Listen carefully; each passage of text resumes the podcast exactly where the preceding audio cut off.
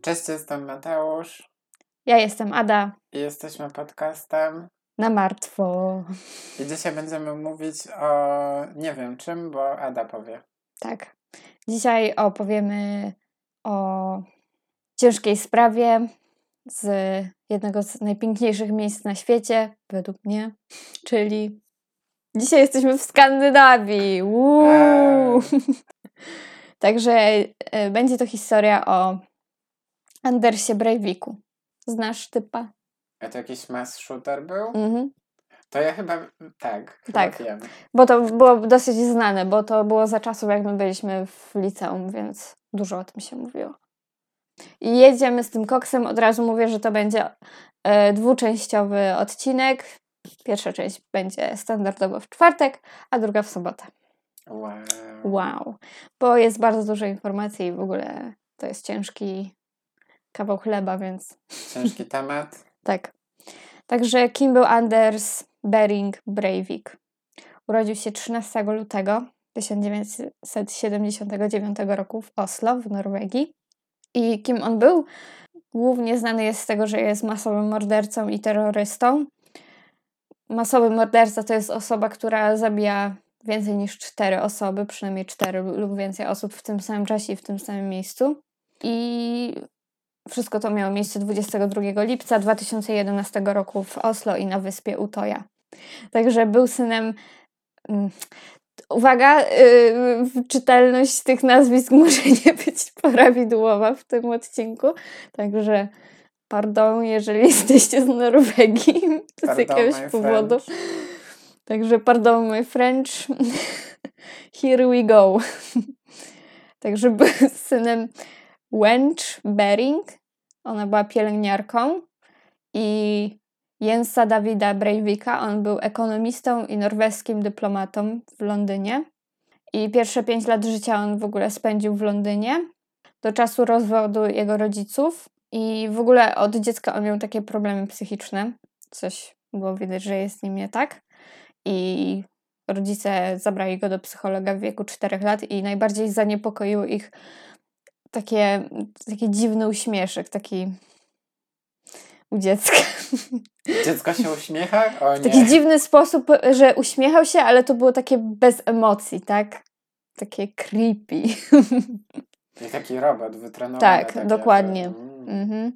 I nie podobało im się to, jak jego matka się zachowywała w jego stosunku, jakby rzekomo był przez nią bity i że ona sama jakby go nie chciała i traktowała go też jakby w taki trochę e, na zbyt e, seksualny sposób jako jej dziecko, więc e, prawdopodobnie też jego matka cierpiała na borderline, więc jakby już e, wiemy z e, autopsji, że rodzice jak mają problemy jakieś psychiczne, to dzieci nie zawsze też potem mają udane dzieciństwo, tak, przez nieleczonych rodziców. I ale- udaną dorosłość. Jakby. No później w, już w konsekwencji tak. Więc e, po rozwodzie rodziców ogólnie to nie wiadomo z jakich przyczyn zamieszkał z matką, a nie z ojcem i no bo pewnie dlatego go psycholodzy badali, żeby gdzie do, czy do ojca, czy do matki go przydzielą po rozwodzie, bo ojciec mieszkał w Londynie, a matka w Oslo, więc A i podejrzewali, że matka go wykorzystuje. tak, i więc go dali go matce, tak, wiadomo, bo to Mm. taki standard przecież Mm. niby matka się lepiej umie dzieckiem zajmować, ale ta to nie, nie szczególnie bym powiedziała, że była dobrym wyborem. A do tego miał jeszcze siostrę i oni wszyscy, wszyscy zamieszkali w Oslo. Anders w ogóle nie, nienawidził tego, że jego rodzice są strasznie liberalni. Mówił, że jego matka to jest taka typowa współczesna feministka i tego w niej najbardziej nie lubił. Także on y, y, w szkole miał dosyć dobre wyniki i tak często też w ogóle opiekował się takimi osobami, które inni e, uczniowie nękali z jakiegoś powodu. Jakby żal mu było takich A ludzi. to miło z jego strony. Także w wieku 15 lat y, dołączył do kościoła luterańskiego, także zwykły kościół protestancki, ale on wcześniej jakby nie interesował się religią, więc tak randomowo dołączył do tego kościoła. I jak dorastał, to się stawał oczywiście bardziej buntowniczym, myślę, jak większość ludzi, ale no może nie większość ludzi jest, jest przełapywana przez policję mm, przez jakieś rozboje, czy nie wiem, graffiti, no to też nie jest jakieś takie agresywne zachowanie, tak? No, może nielegalne jest malowanie po ścianach, ale to jeszcze o niczym nie świadczy, że ktoś jest jakimś psychopatą, tak? I w wieku 16 lat kompletnie mu się urwał kontakt z jego ojcem. Jakby jego ojciec mówił, że on przestał do niego dzwonić. Anders mówi, że to jego ojciec do niego dzwonić, ale jakby who cares? Przestali do siebie dzwonić. Po prostu, jak... tak. On ogólnie też e, bardzo dbał o swój wygląd i siłę fizyczną zwłaszcza, więc zaczął stosować sterydy dosyć wcześnie. A przystojny jest? E, nie widziałeś jak on wygląda? Nie. Jak troll spod mostu. Po tym jak zaczął stosować sterydy i tak dbać o wygląd, żeby mieć siłę, też masę mięśniową i w ogóle i poddał się korekcji plastycznej podbródka, nosa i czoła. Jakoś nie zauważyłam, żeby coś tam było widać. poprawione. W ogóle nie widać. No, także wygląda jak troll spod mostu. Także on ogólnie był zwolniony z poboru do wojska z, z przyczyn nie, nieokreślonych. E, także w wieku 21 lat pracował w e, jakiejś międzynarodowej firmie, ale to była taka jakaś przelotna praca. E, I sam mówi, że te zamachy, które później popełnił w 2011, to to planował już od 2002 roku, rzekomo. E, w 2009 roku założył firmę Breivik Geofarm, zajmującą się uprawą warzyw i owoców. I w tym samym roku udał się do Pragi w celu zakupu broni palnej. Pomyślał, że będzie łatwiej za granicą kupić, ale wcale nie było tak łatwo i mu się nie udało. Ale jakimś cudem legalnie zakupił w Norwegii, ale w, może nie takim cudem, bo Norwegia jest bardzo takim liberalnym krajem i wcale tak nie jest ciężko tak dostać broń jakby się mogło wydawać. W lipcu 2011 roku przeprowadził się do miejscowości Amot, 140 km od Oslo i on miał tam taką jakby farmę i on tam się przygotowywał intensywnie do zamachu. I uwaga, możemy być, mm, jakie jest przeciwieństwo słowa dumni? Niedumni. Niedumnie, no. No, bo zakupił środki eksplodujące właśnie z Polski. I w ogóle to nie wzbudziło podejrzeń na y, ochrony celnej na granicy, więc okej. Okay. On y, przed samym atakiem napisał taki manifest, który liczył 1518 stron. Kto to będzie czytał? Ktoś pewnie przeczytał. Musieli przeczytać, bo był proces, tak? Jezu, ale zrobił ludziom na złość. No. Także on y, napisał ten y, swój super manifest, jaki to on nie jest, i w tym manifestie też chwalił się właśnie próbami eksperymentów z tymi środkami wybuchowymi, bo on, tak jak mówię, mieszkał na jakiejś farmie od, na jakimś odludziu i on sobie tam robił jakieś te różne eksperymenty wybuchowe przed samymi zamachami. Jak ruskie w Kazachstanie. Jakie ruskie? Jakieś powiedzenie, którego nie znam. No nie no, oni chyba próby atomowe tam robili, nie? Tak? Nie, nie wiem, nie wiem. Także koszt tej całej operacji, którą on zaplanował, to mniej więcej było 317 tysięcy euro. Czyli włącznie z bronią, z bombami, które sam spreparował. Tacy, że znajdzie się ktoś taki, wiesz, że tak, taki zapał ma, że zbierze te pieniądze i w ogóle. Mm. On miał dużo przedsiębiorstw jakby w tych 10 latach, takich, co szybko upadały, ale jednak on coś, jakieś pieniądze z tego miał zawsze. I on, potem powiem, jak on oszczędzał te pieniądze, ale dobra. Więc przez 6 godzin przed samymi atakami opublikował na YouTubie wideo, prezentował tam swoją broń, także typowe zachowanie takiego masowego mordercy, zwłaszcza w tych czasach, że wstawia jakiś filmik na YouTube'a i pokazuje tam swój manifest. Pokazał też taką animację, po, mm, która prezentowała konia trojańskiego wjeżdżającego do Europy i tym, w tym koniu trojańskim siedzieli muzułmanie, tak? Bo to była jego główna taka grupa społeczna, której on nienawidził, to byli właśnie muzułmanie. On katolikiem jest. Tak. No to wiadomo, co jest z nim nie tak. Więc yy, jakby on był przeciwny islamizacji Europy. Jakby islamizacja Europy to też nie jest takie pojęcie, które oni wymyślili, a nie które jest jakby No powszechne. totalnie, to jest takie głupie. Więc Jest jakoś- chyba katolizacja Europy. no to już szybciej bym się zgodziła z tym niż z islamizacją. No, ale ludzie Ale tak niestety są tacy ludzie, co myślą, że jakby wszędzie jest mnóstwo muzułmanów, co nie jest prawdą, zwłaszcza u nas.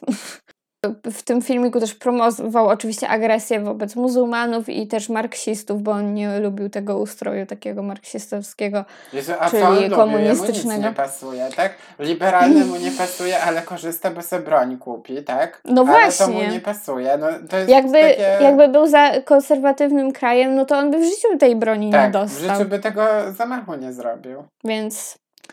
No ale to tak zawsze z nimi jest, z tymi takimi cwaniaczkami, co się naczytali, nie wiem. Zobaczysz, czego on się tak naczytał, że mu tak się w głowie poprzewraca. Ale do tego dojdziemy, Jezu, prawda? KKK czytał, czy co? KKKK. KKK. Co Wiesz, czytał KKK? Wiesz, co to KKK? Wiem, co to jest KKK, ale Katechizm Kościoła katolickiego. okej, ja myślałam, że Ku Klux Klan. nie, nie, nie. O ty mnie tutaj zaskoczyłeś. No. Dobra, nie, ale napisał też ten manifest i on półtorej godziny przed atakami wysłał go mailem na jakieś 1003 adresy do różnych osób. Tu chodziło głównie o osoby właśnie, które były w rządzie norweskim, e, więc dokument ogólnie zawierał, tak pokrótce, bo pff, nie byłam mm, tak aż e, miła, że przeczytałam go bez przesady. Będę czytać 1500 stron jakiegoś świra, żeby jeszcze mu dawać jakiś kredyt. No, nie dziękuję. Także opisywał tam dwa lata w tych wszystkich przygotowań. Mówił najpierw, że dziewięć, a teraz nagle dwa lata mu to zajęło. E, Poparcie dla skrajnie prawicowych grup politycznych i paramilitarnych. Wykorzystywał też części manifestu, w ogóle skopiował od e, Una Bombera, czyli Teda Kaczyńskiego, zam- zamachowca z poprzedniego wieku. Także może kiedyś zrobimy o nim Co odcinek. powiedziałaś? Tatę Kaczyńskiego? Teda Kaczyńskiego. To był, Teda Kaczyńskiego? to był Una Bomber, Boże! Ja tak myślę, tata Kaczyńskiego. Kaczyński. Papa Kaczyński. Popakałem. Popakałem. Teda. Teda Kaczyński. Kaczyńskiego. Una Bombera. I zastępował ogólnie, w, skopiował jakby jego manifest, także bardzo kreatywny człowiek.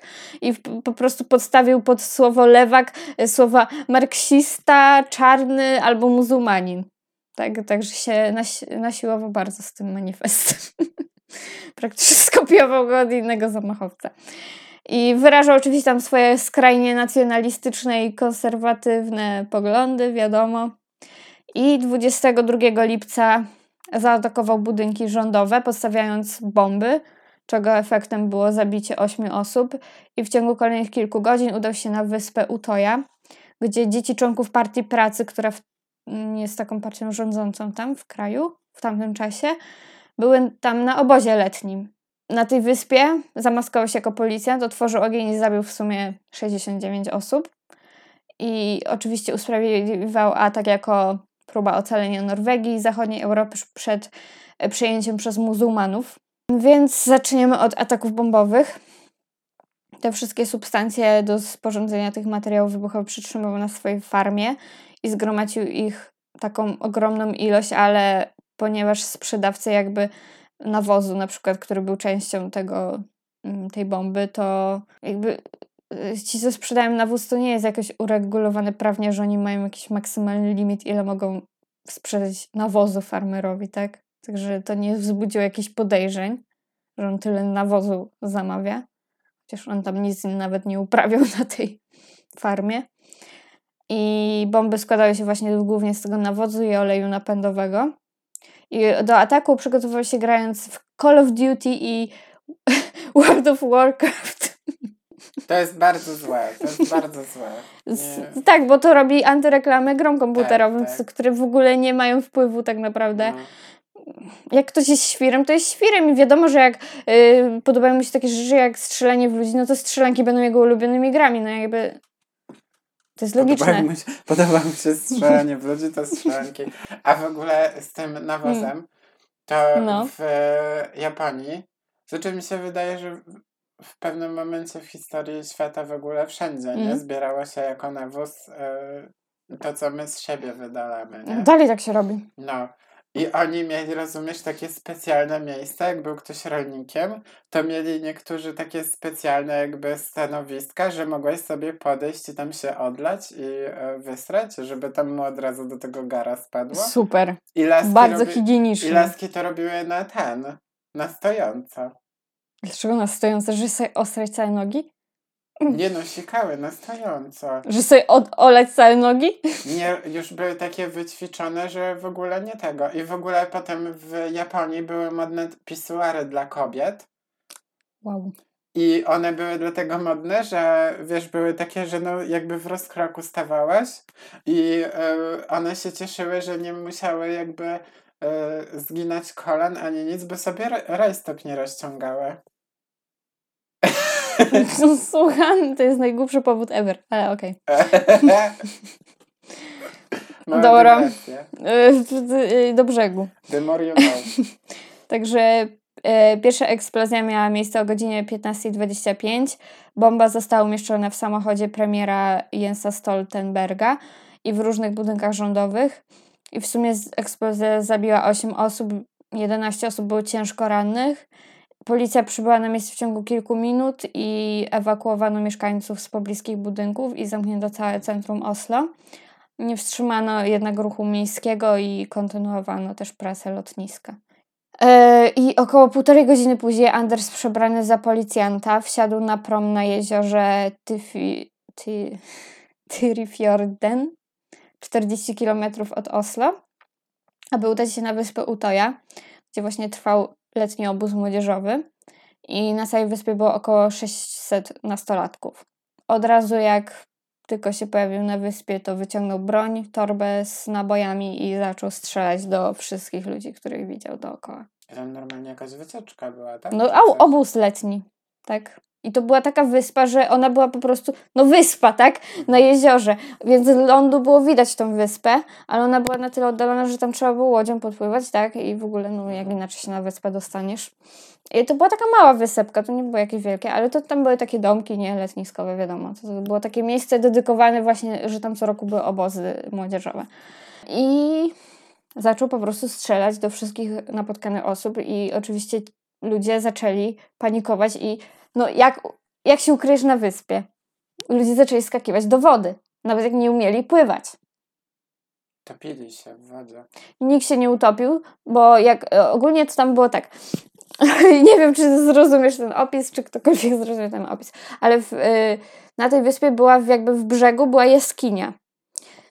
Ale żeby się dostać do tej jaskini, to trzeba było wskoczyć do wody i ktoś ci musiał wyłowić z wody i do tej jaskini. I tak tam się uchroniło dwadzieścia parę osób, że w, po prostu wskoczyli do wody jaskini, i ktoś ich wyłowił z tej jaskini, żeby tam się mogli schować, bo to było jedyne miejsce oprócz wody, gdzie mogli się tak naprawdę schować przed nim, bo on by musiał wskoczyć do wody, żeby tam ich, prawda, pozabijać, a on raczej takiego planu nie miał, żeby sobie tam, nie wiem, zresztą jak strzela się do ludzi w, z wody, to chyba tak nie działa, bo cię hamuje woda, nie? Jak próbujesz Znaczy, no wystrzelić. chyba nie strzelisz, no bo tam musi być sucho, nie? Samej broni. Nie wiem, nie jestem pewna. To zależy, jak, jaką broń masz pewnie, więc. No jakby nie, w- nie wchodźmy tutaj w, w, budo- w, kwestię budowy broni, bo się na tym nie znam. Także, ale ogólnie no to właśnie na, y, dużo osób się w tej jaskini jakby schowało, zwłaszcza jak ktoś nie umiał pływać, no to co, wskoczył do wody i ktoś go musiał wyłowić, tak? Bo by się utopił po prostu. No ale to był jakby jedyny sposób. On też próbował w ogóle strzelać do ludzi do, do wody, tych co tam wskoczyli, no ale na szczęście mu się tam nikogo nie udało e, zabić. No ale na lądzie już nie było tak ciężko pozabijać tych ludzi, co tam nie zdążyli uciec nawet do wody, czy się schować w jakimś domku. Była też taka sytuacja, że zabił jakiegoś mm, mężczyznę, takiego w wieku, no nie wiem, średnim, tak? I 11-letni chłopiec, do którego on właśnie podchodził, żeby go zabił, powiedział, że właśnie zabił jego ojca, że on jest za młody, żeby go nie zabijał i z jakiegoś powodu go ocalił. Tego 11-letniego chłopca, nie wiem, może powiedział, że ma 11 lat, może mu się żal zrobił, chociaż nie wiem, bo to wszyscy byli młodzi, więc jakby nie ma tutaj jakiejś zasady, nie? Czym on się kierował. Po prostu Niczym, to jest takie Niczym, to jest takie tak? Poszedł, napisał randomowe. jakiś kurwa manifest, że antyczarny, antyislamowy, coś tam poszedł zabijać młodych, przecież to kurwa nie ma Nie ma ogóle sensu, tak. Oni No. nawet nie są Może on sobie to tak myślał, że to są młodzi, czyli oni będą niedługo, prawda, rządzić tym krajem, więc oni będą dopuszczać jakby imigrantów. No ale to też jakby pff, się kupy nie trzyma Jak jego to są młodzi, więc... to inni młodzi usłyszą, że jakiś stary pryk poszedł zabijać młodych, żeby imigrantów nie wpuszczać, to na pewno będą się bali wpuszczać ich. Tak, więc mm, jakby tutaj je- jego w ogóle psychika to już jest w, w kosmosie, więc nawet nie ma co tutaj szukać logiki w tym, czym się kierował. I osoby na wyspie między sobą kontaktowały się SMS-ami i informowały mniej więcej, gdzie on jest na wyspie. Wyobrażasz sobie w ogóle taką sytuację? Że jesteś ze znajomymi na obozie i piszecie między sobą SMS-y, że gdzie jest ten zabójca, to tam chodzi Ale po to wyspie? dobrze, że większość się znała i mieli jak pisać do siebie. To Dobrze, mieli Wi-Fi na więcej- tej wyspie. No, ale to może więcej ludzi przeżyło, tak? No bo jakby to Na byli pewno. wszyscy tak totalnie nieznajomi, No. Każdy sobie żebkę skrobie, to kurwa masakra. Także pisali też tweety jakieś, dzwonili do rodziców. No, ogólnie chaos, tak? Więc em, No ja już bym testament pisał na Twitterze czy coś. myślę, że niektórzy tak robili niestety. Także em, mm, ogólnie e, on też zmanipulował jakby naboje w broni. One były wydrążone, przez co powodowały większe obrażenia. Nie znam się na balistyce, więc nie wiem dlaczego, ale tak po prostu robił, czyli jakby z premedytacją jeszcze manipulował te naboje, żeby większe szkody robiły w ciele, tak? Że to nie był tylko taki zwykły postrzał tępym tym nabojem, tylko on jeszcze się tam rozbryzgiwał w środku. Masakra. Jakby menadżerem tej wyspy była Monika Bossei i ona była jedną właśnie z ofiar śmiertelnych, plus najmłodsza ofiara to miała 14 lat z tego całego zamachu. Jak ktoś strzela jeszcze z jakiejś takiej broni, że masowo zabija ludzi, to to słychać. No i nagle ludzie na lądzie zobaczyli, że na wyspie coś się dzieje. I zauważyli, że bo po prostu to było widać z lądu, że ktoś biega i zabija ludzi na tej wyspie. Ja pierdolę. Kurwa, I ludzie mama? nie wiedzieli o co chodzi w ogóle. Wow. Znaczy, już wiedzieli, że zamachy były w Oslo, więc raczej nie mieli dobrych, jakby tych. Jakby sytuacja nie wyglądała zbyt pozytywnie po zamachach, tak? Które odbyły się godzinę, dwie godziny wcześniej. Postanowili zabrać swoje łódki, rowery wodne i płynąć po tych ludzi, bo widzieli, że ludzie wskakują do wody. Więc ludzie z lądu zaczęli podpływać i ratować tych ludzi, co tam w wodzie byli po prostu e, to, to, to nie są ludzie, tylko to są super bohaterowie, bo kto by normalny chciał Narażać do środka, e, nie wiem, masowej zagłady się jeszcze samemu narażać, tak? E, No i ogólnie na tej wyspie, no to już wiadomo, była tam ta jaskinia, gdzie się niektórzy schowali, ale też był taki budynek edukacyjny, gdzie w ogóle no, w budynku to się możesz tylko zamkiem, prawda, zamknąć, no ale zamek można przestrzelić. Więc oni się tam schowali, taka duża grupa osób i y, Anders w ogóle próbował przestrzelić ten zamek, ale mu się nie udało i zrezygnował, więc ci w tym budynku, to był taki wielki budynek edukacyjny, dla, gdzie tam mnóstwo osób się schowało i na szczęście jemu się tam nie udało dostać. I niektórzy w ogóle zaczęli rzucać w niego kamieniami, no jakby no, nie wiesz w takiej sytuacji, jak się obronisz, bo nie masz sam broni, no to bronisz się czym masz, więc zaczęli rzucać w niego po prostu kamieniami, no bo No a nóż uderzy go w głowę tak mocno, że nie wiem, straci przytomność. I jakby, no co masz zrobić? Bronili się jak mogli tak naprawdę. No. Ogólnie to jak oni, dzw- no bo mieli telefony, tak, więc dzwonili na 112, tam to jest akurat 911 chyba tak samo jak w Ameryce. E, więc dzwonili na pogotowie i wyobraź sobie, że na pogotowie im mówili, że jeżeli nie dzwonią w sprawie tych ataków bombowych, to żeby nie zajmowali linii. Czyli on w ogóle to tak zaplanował, tam poszedł sobie bomby Tam podłożył? zrobił chaos w środku miasta, żeby tutaj sobie pozabijać Tak, na małej tak. wyspie e, ludzi. Więc wiadomo, że to było. O to mu chodziło, żeby stworzyć taki chaos, tak? E, więc jakby wiadomo, że jak co w to jest końcu. za sytuacja, żeby nie zajmować linii? No kurwa, przecież wiedzą już, że jest atak bombowy, tak? To o czym oni więcej chcą się kurwa dowiedzieć? No, że kto go pewnie zrobił, czy ktoś widział i w ogóle. No ale no bez przesady, może ktoś kurwa ginie po prostu gdzieś, no ginęli, No tam też tak? ginęli. No- Właśnie to no jest ten jakiś problem, hit w że jakby oni nie brali na poważnie tego, że tam jest jeszcze gorsza sytuacja w tym momencie niż to, co się stało w centrum, więc to, Ale jest, ja od początku- w ogóle. uff, to, to, to jeszcze nie jest nic, więc słuchaj. Nie jest nic, to jest... To jeszcze, to jest dopiero początek tragedii, którą oni tam. I to było tak niezorganizowane, że to się w głowie nie mieści. Więc ludzie na tym lądzie, widząc, że tam na wyspie ktoś szaleje z bronią, zaczęli po prostu wskakiwali na te swoje statki, które mieli, bo tam dużo ludzi, bo to było w lipcu, tak? Więc środek wakacji, ludzie byli tam na urlopach i po prostu wskakiwali na łódki i płynęli po tych ludzi, wyławiali ich z tej wody. I ogólnie pierwszą z, taką, z takich osób był Marcel Gleffe i on był Niemcem, który właśnie był tam na wakacjach i on y, płynął tam chyba z 4 czy 5 razy, podpływał pod tą wyspę i uratował w sumie około 30 osób, więc bohater dnia. Brawo, brawo. Po czym policja zabroniła mu, żeby tam płynął dalej. Bo policja była już na lądzie, ale czekali na prom, który wróci z e, wyspy, żeby ich zabrał. Oni nie mieli dostępu do helikoptera, bo helikopter miał dos- do helikoptera miał dostęp tylko wojsko i wojsko go nie udostępniło. Okej, czyli ty piesz jakby mógł ich przewieźć tam nawet, to łódką Tak, przepłynąć Tak, ale oni czekali na prom. A oni nie, pan nigdzie nie ten, my poczekamy na prom, niech tam ludzie kurwa giną. Tak, oni oglądali jak ludzi zabija e, ten psychopata, na, e, będąc na lądzie. Zajebiście. Także to jest y, dla mnie nie do w ogóle To oni mogli w pojęcia. ogóle kurwa nie przyjeżdżać, bo ludzie sobie lepiej radzili zanim oni przyjechali. Później para Hege Dalen i Toril Hansen zrobili to samo. Wzięli po prostu łódkę i płynęli po tych ludzi. Oni ocali kolejne 40 osób. Później jeszcze kilka osób dołączyło. Jakby oni już przestali nawet słuchać tej policji. Po prostu płynęli po tych ludzi, mimo że sami się narażali, bo Anders w nich też strzelał, jak oni płynęli tymi łódkami. On strzelał w kierunku łódek, tak?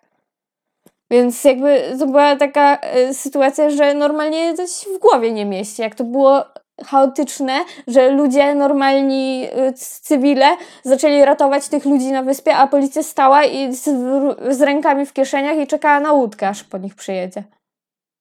I też helikoptera im nie udostępnili, wiedząc, że to jest wyspa. Co to w ogóle za paranoja jest? Ja nie, ja nie rozumiem, naprawdę nie Boże, w rozumiem. zeszłym tygodniu kurwa 300 tysięcy policjantów i żołnierzy chuja zrobili, a teraz kurwa ci stoją jak jebane jelenie i się patrzą. Ogólnie wiesz, o której policja dotarła na wyspę? No ile tam stali? No powiedz Po półtorej godziny. Półtorej godziny Półtorej godziny. czekali na prom, tak? Półtorej Bo godziny. to te takie wolne promy, co są Tak, te wolne promy, gdzie masz jakieś 200 metrów do wyspy pewnie. Na szczęście byli ci ludzie, co zaczęli ratować te dzieciaki, bo tam głównie były dzieciaki, tak? E, policja ogólnie dowiedziała się o strzelaninie na wyspie około 17.30, no bo w końcu tyle osób dzwoni z wyspy, że jest strzelanina, to może jednak jest tam strzelanina. Więc on już tam pół godziny szalał, zanim Ale oni ja się też nie dowiedzieli. rozumiem dalej tego takiego korpo podejścia. To nie jest kurwa jakaś korporacja. Tak, to jest po prostu tylko- y, akcja, reakcja, tak? Od razu musisz działać, a nie Tak. czekać na jakieś pozwolenia, nie wiadomo co.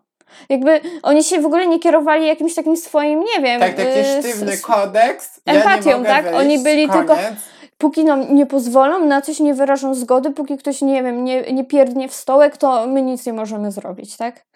Ale to niestety tak jest często, więc jakby nie wiem, czy powinniśmy się dziwić, bo mm, jakby w Polsce była taka sytuacja, to by jeszcze to więcej samo ofiar z było. przyjęciem zgłoszeń, tak? Ktoś z góry powiedział, że macie nie odbierać innych połączeń i nagle Tak. nikt nic nie odbiera, tak? Tak.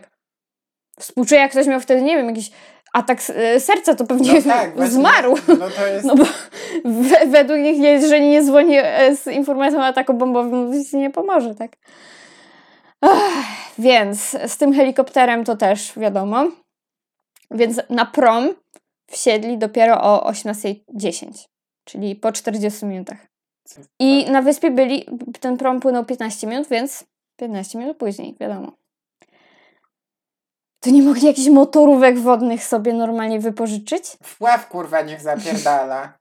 No co to jest za sytuacja w ogóle? Nie wiem, nie wiem, ja nie rozumiem Półtorej tego. godziny czekania na prom, który potem e, płynął 15 minut? Nie, A co 40 ty, ty minut między w ogóle zgłoszeniem. na tym promie, co to prowadził? Czy to jakieś zdalne jest? To on tam sobie stał na tym brzegu, na tej wyspie, czy... Nie, on wracał, musiał wracać z tej wyspy. No to 15 Ale zanim to zorganizowali, no to pewnie zanim oni tam wszyscy wsiedli, no to pewnie minęło jakieś. A no tak, 30 no przecież minut, tak? kurwa damy muszą wsiąść jeszcze wygodnie, może jeszcze się usadowić trzeba. Najwyraźniej. Ogólnie to jak oni się pojawili na wyspie, to oni powiedzieli, y, on, w ogóle jeszcze przed tym, Anders sam osobiście dzwonił na pogotowie dwa razy, mówiąc, że y, żeby po niego po prostu przyjechali, żeby policja go już zabrała, bo on dalej będzie ludzi zabijał. Ale to można rzeczywiście odebrać dwuznacznie, jak ktoś dzwoni i wiesz, może ktoś świra udaje, tak? No ale mimo wszystko, nawet jak opisuje wyspę, yy, dzwoni milion ludzi z, też z wyspy, więc może weź to na poważnie trochę. Ale nawet jak ktoś udaje, albo to, To i tak się to sprawdza. Tak, albo to by się wydaje, że ktoś się zbija z ciebie, że Tak. dzwoni Potem e, najwyżej taka osoba ludzi. dostaje karę, jeżeli po prostu się Tak. zbijała, ale Tak. i tak to sprawdzasz, tak? Ja nie, nie Więc on dwukrotnie podejścia. sam dzwonił, żeby go policja zabrała. A policja przyjechała dopiero po jakiejś godzinie, zanim oni się to dowiedzieli o tym. Jak on już tam był, oni się dowiedzieli po godzinie, ale on już tam był od pół godziny, więc już jakby większość osób pewnie, które miał zabić, to zabił. Ach, no cóż, y, wszyscy tutaj już, y, co mieli pomóc, to wszystko zrobili, żeby nie pomóc. Więc nie wiem po co, czy w takich sytuacjach możemy w ogóle liczyć na pomoc, nie wiem, policji pogotowia, skoro oni mieli to gdzieś. Więc e, jakby on sam dzwonił na to pogotowie. W międzyczasie jeszcze zabijał ludzi oczywiście. I kiedy policja pojawiła się na wyspie, no to on, e, oni powiedzieli, że albo się podda, albo oni go zastrzelą, tak? Więc on postanowił się poddać, bo jest, prawda, Pizdą. tak. I jakby nie będzie się, nie, nie będzie... aż powiem drugi. Okej, wszystko się zgadza. Pizdą. Także e, policja mm, ogólnie, kiedy jego już aresztowali, no to zaczęli podchodzić do tych ocalonych ludzi i oni w ogóle nie ufali im, no bo przecież on był ubrany za policjanta i zaczął do nich strzelać. I oni powiedzieli, że żeby nie podchodzili do nich z bronią, że policja ma złożyć broń i dopiero mogą do nich podejść, bo oni nie ufali, że to jest prawdziwa policja. Zwłaszcza, że ktoś dopiero się po godzinie.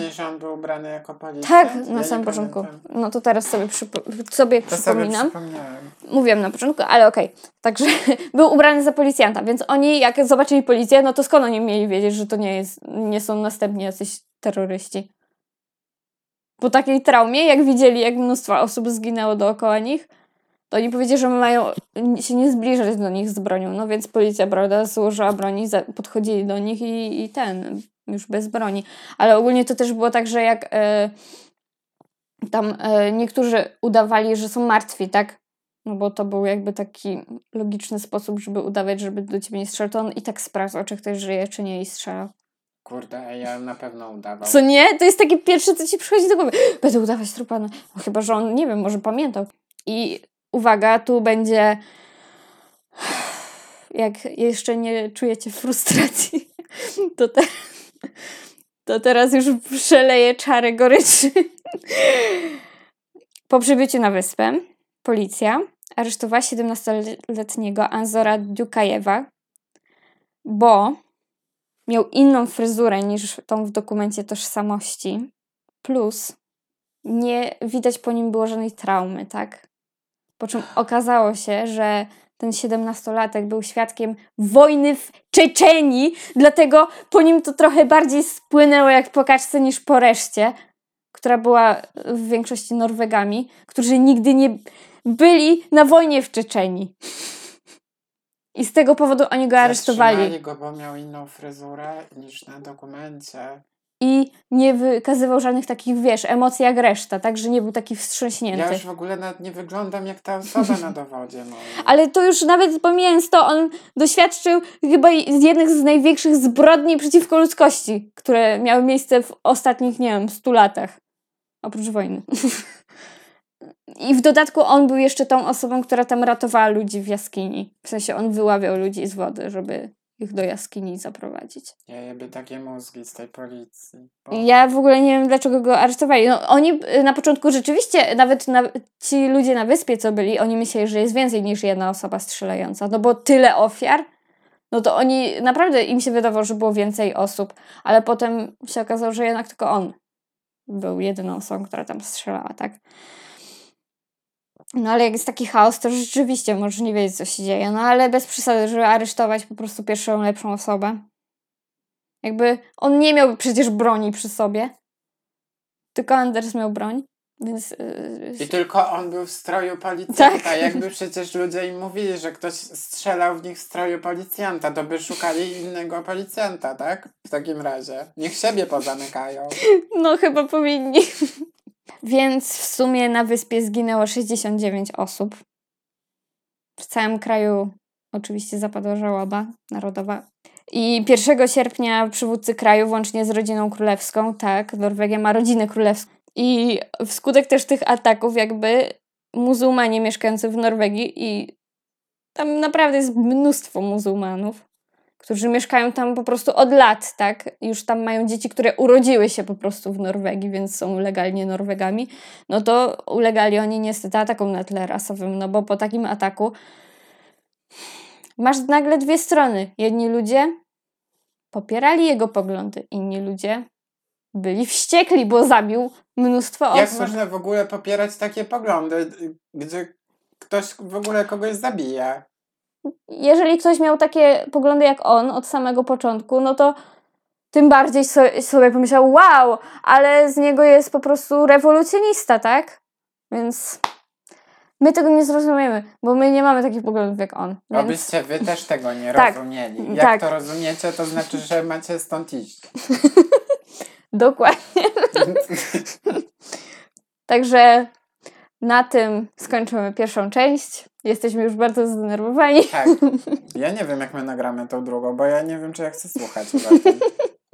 Ja myślałam, że to będzie takie, o, w drugiej części dowiesz się coś tam tajemniczego w końcu i że to takie... Jakiego tajemniczego? Będzie. To już wszystko wiem.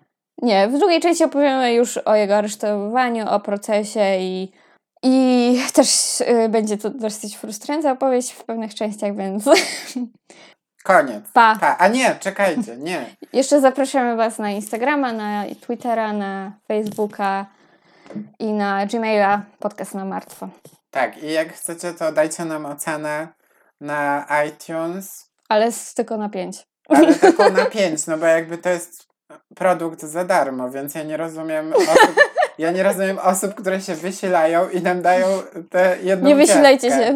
Tak, no Szkoda Waszego czasu. dosłownie, szkoda waszego czasu. Jak wam się nie podoba, to się nie podoba, tak? Tak.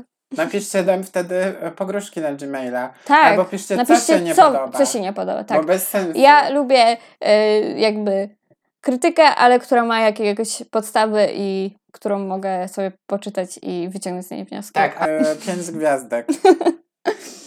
Albo wcale.